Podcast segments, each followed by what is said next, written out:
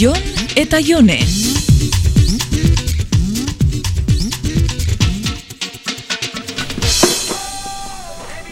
Jode, baina zenbat zapatila klase dau. Ah, danak ez dira korrika itxeko. Korrika, nik ez dut korrika ingo, eh? Nik zure antzera ranina ingo.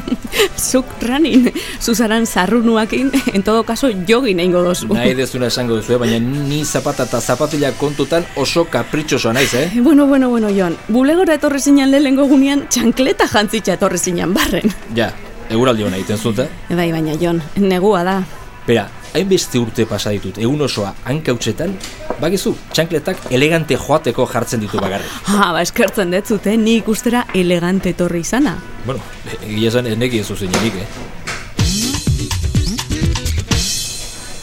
Eta, zera, pulsometroa eta alakoren bat ere beharko ditut, ezta? Zenbat kilometro egiten dedan kontrolatzeko, eta... Mm, igual hobe lehengo korrika itzen astia eta gero gerokoak. Jarraitzen baduzu, erosiko dituzuelako litxarkerixak.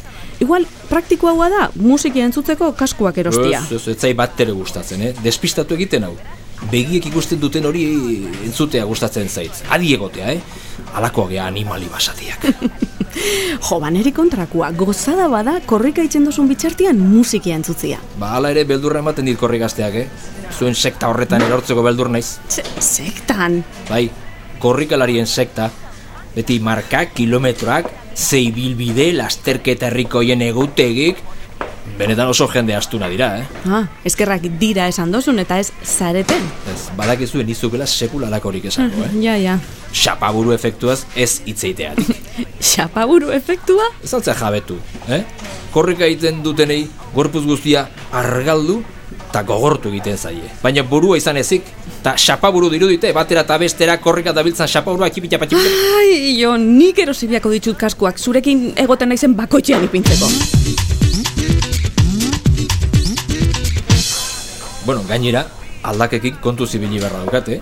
Buzeatzen horretxeatik hasi nintzen, medikoak esan zien desgasterik gabeko kirolak egiteko. Eta uretan ez da balakorik. Eta oin, ondo da kasu? Bueno, bai, bai, bai. Istripuan apurtu zain duen, ezta? Ez, bizkiak erditzea gon. Anormal!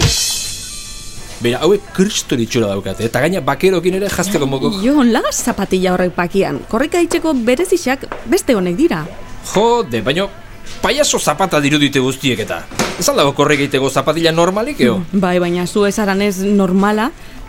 Nik uste oin eta azteko honek direla aproposenak. Hoxe, kasualidadea, fosforitoenak.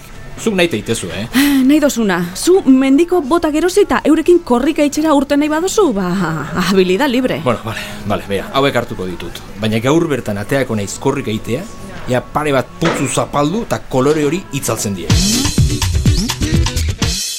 Kaso, Jone? Hau paion, ze, urten zara zapatilak estrenatzera? Bai, bai, bai. Ta, ze moduz? Ikara harri. Hoi minutu egin ditut, zorobiatu, eta farola bati heldute egon naiz. Baina zuai astua. Hasieran bost minutu korrika eta bost oinez, bost korrika eta bost oinez zein behar dituzu. Hori ez da, ez da pentsatu ere, eh? Duintasun minimo bat behar da, eh? Oinez aste eman naiz, akaso norbaitek martxa egiten ari naizela pentsalezake, eta hoi ez da, ez da sekulare.